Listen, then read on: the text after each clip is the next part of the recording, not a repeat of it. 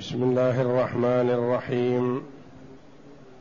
الحمد لله رب العالمين.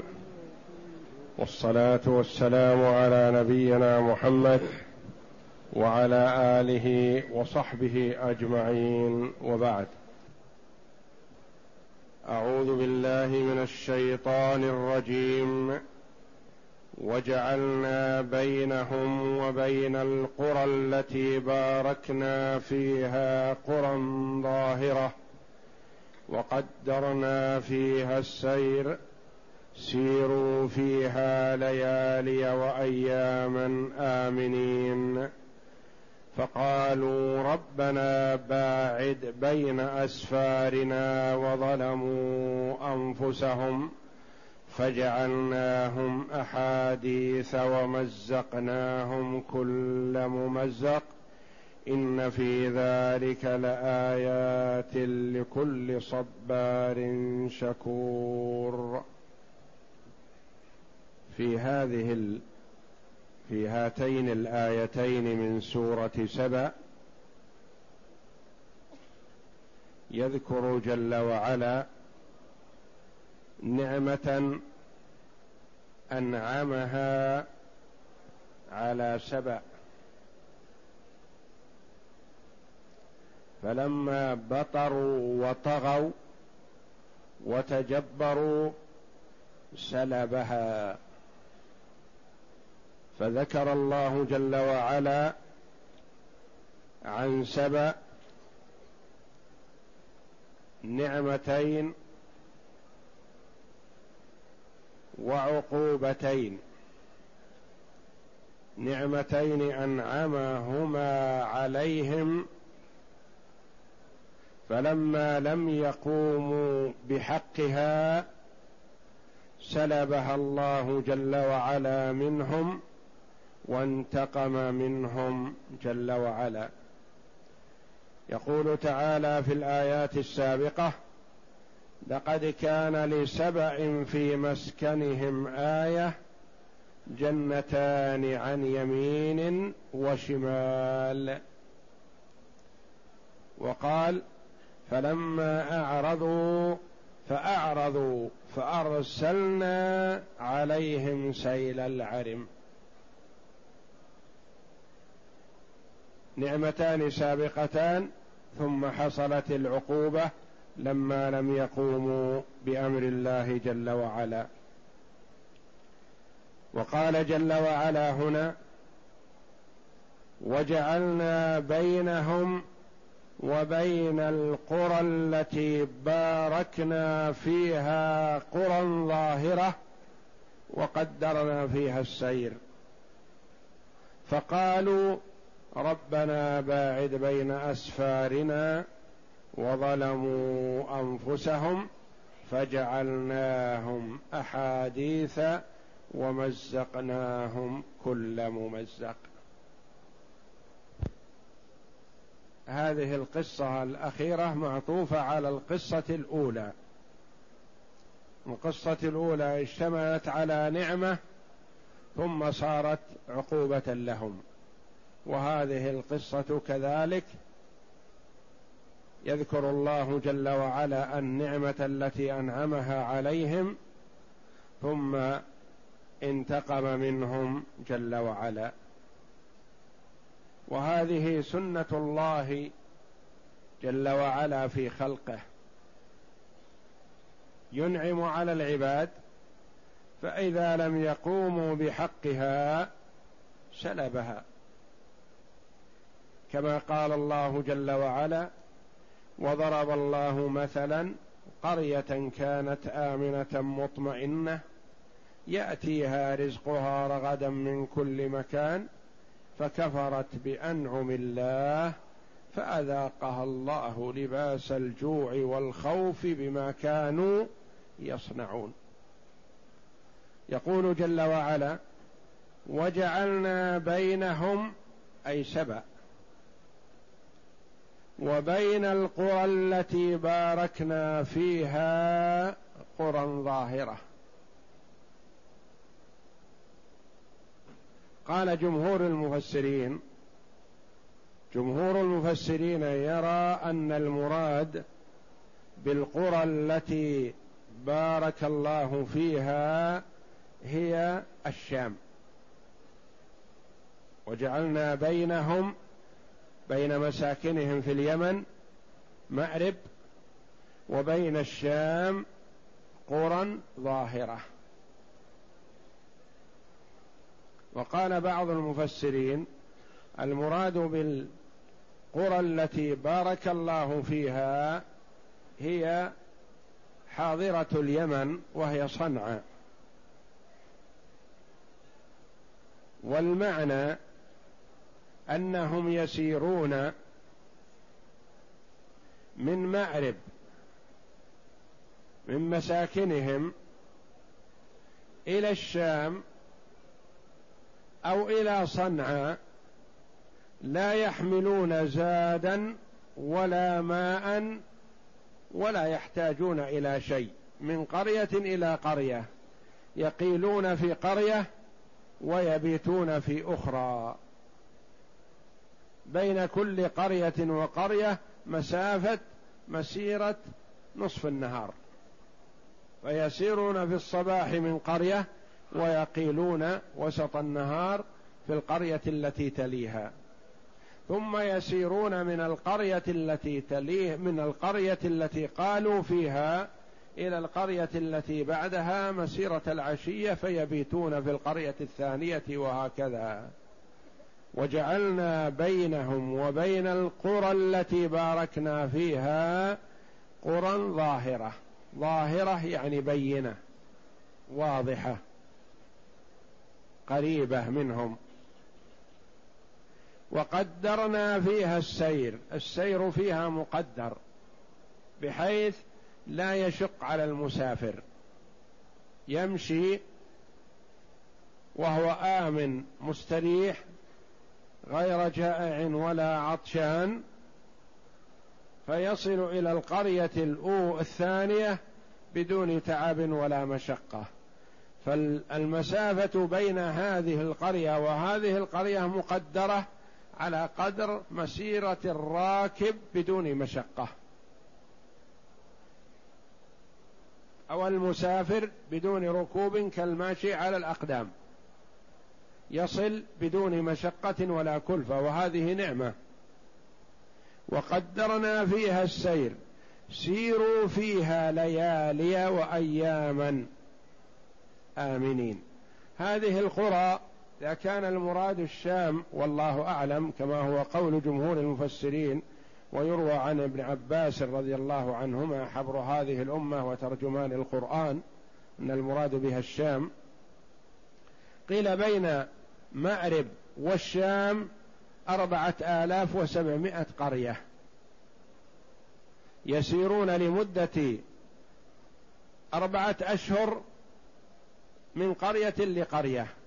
لا يبيتون في مفازة ولا يبيتون في مكان فيه خوف ولا يقيلون في مكان لا ماء فيه بل هم من قرية لقرية. سيروا فيها ليالي وأيام آمنين من نعمة الله جل وعلا عليهم أن أمنهم. في مسيرهم هذا يلقى الرجل قاتل أبيه وأخيه فلا يتعرض له. أمنهم الله جل وعلا. وأكثر ما يشق على المسافر إما خشية عدم وجود الماء أو خشية عدم وجود الطعام أو الخوف من اللصوص والسراق.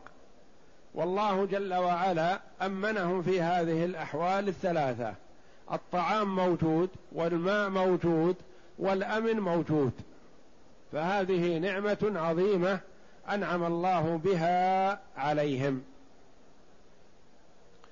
سيروا فيها ليالي وأياما آمنين. يعني في كل مسيركم. وليس المراد ليلة أو يوم بل مستمر. يسيرون أربعة أشهر في رحلتهم لأنهم كما قيل في حاجة أهل اليمن إلى التجارة في الشام. يجلبون على الشام بعض نتاج اليمن ويستوردون من الشام إلى اليمن أشياء أخرى.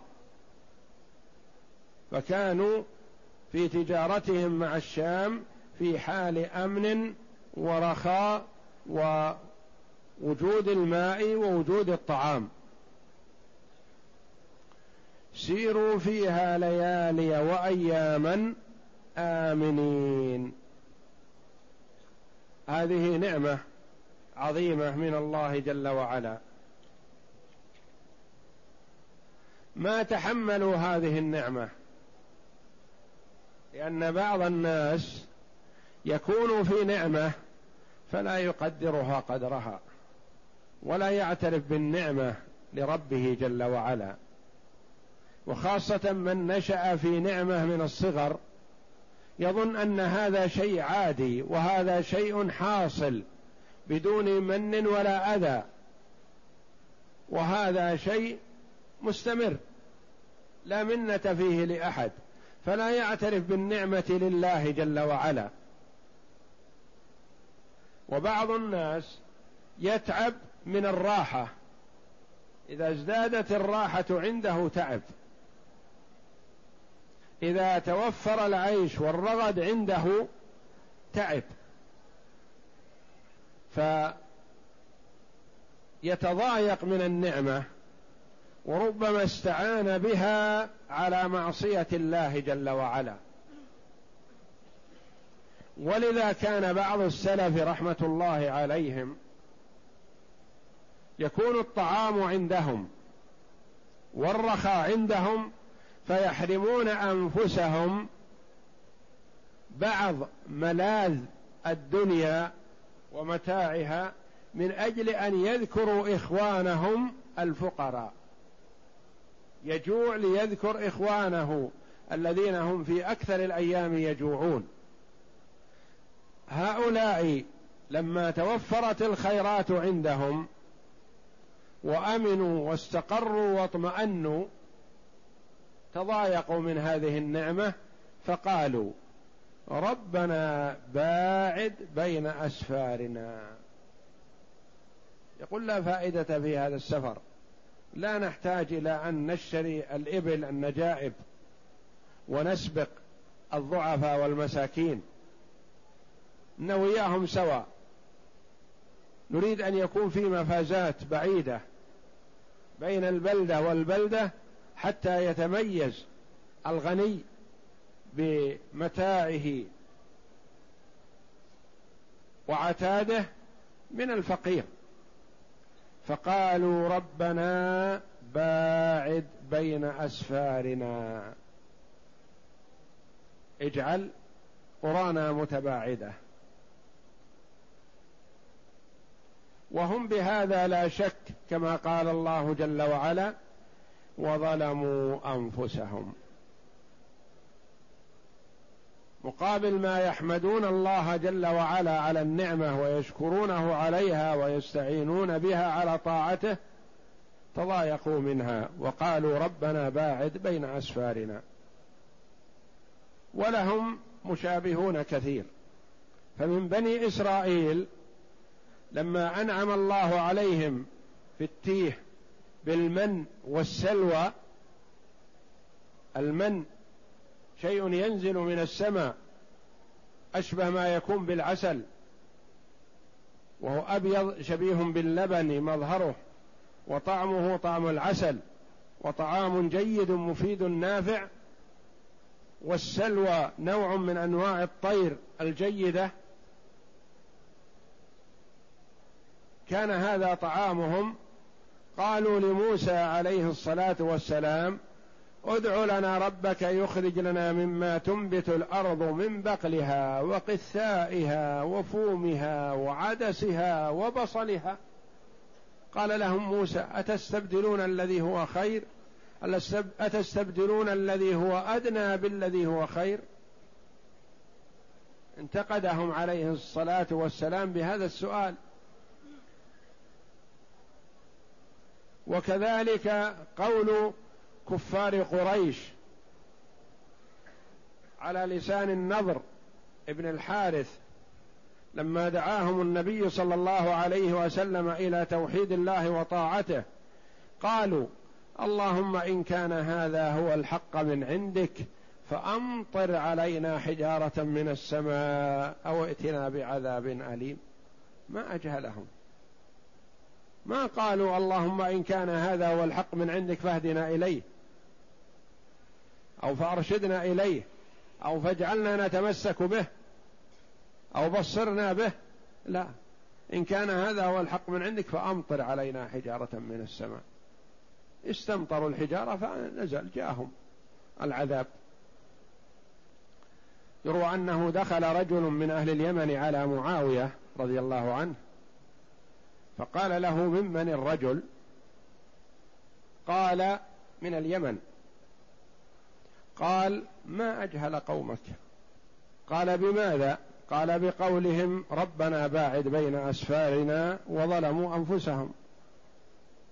قال ما أجهل من قومي إلا قومك حينما قالوا اللهم إن كان هذا هو الحق من عندك فأمطر علينا حجارة من السماء أو ائتنا بعذاب أليم.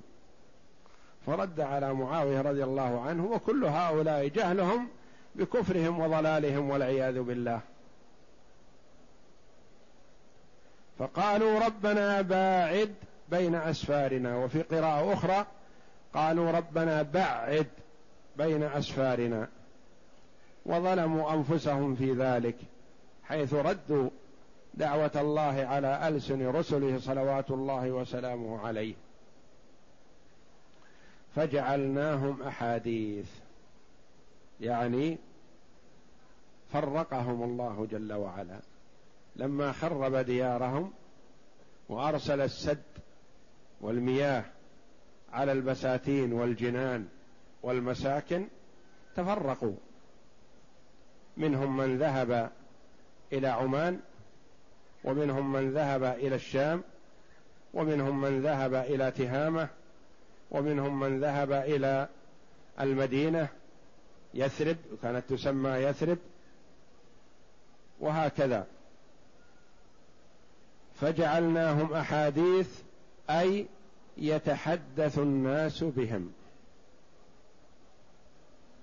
ويتذاكرون فيما حصل عليهم من النقمة.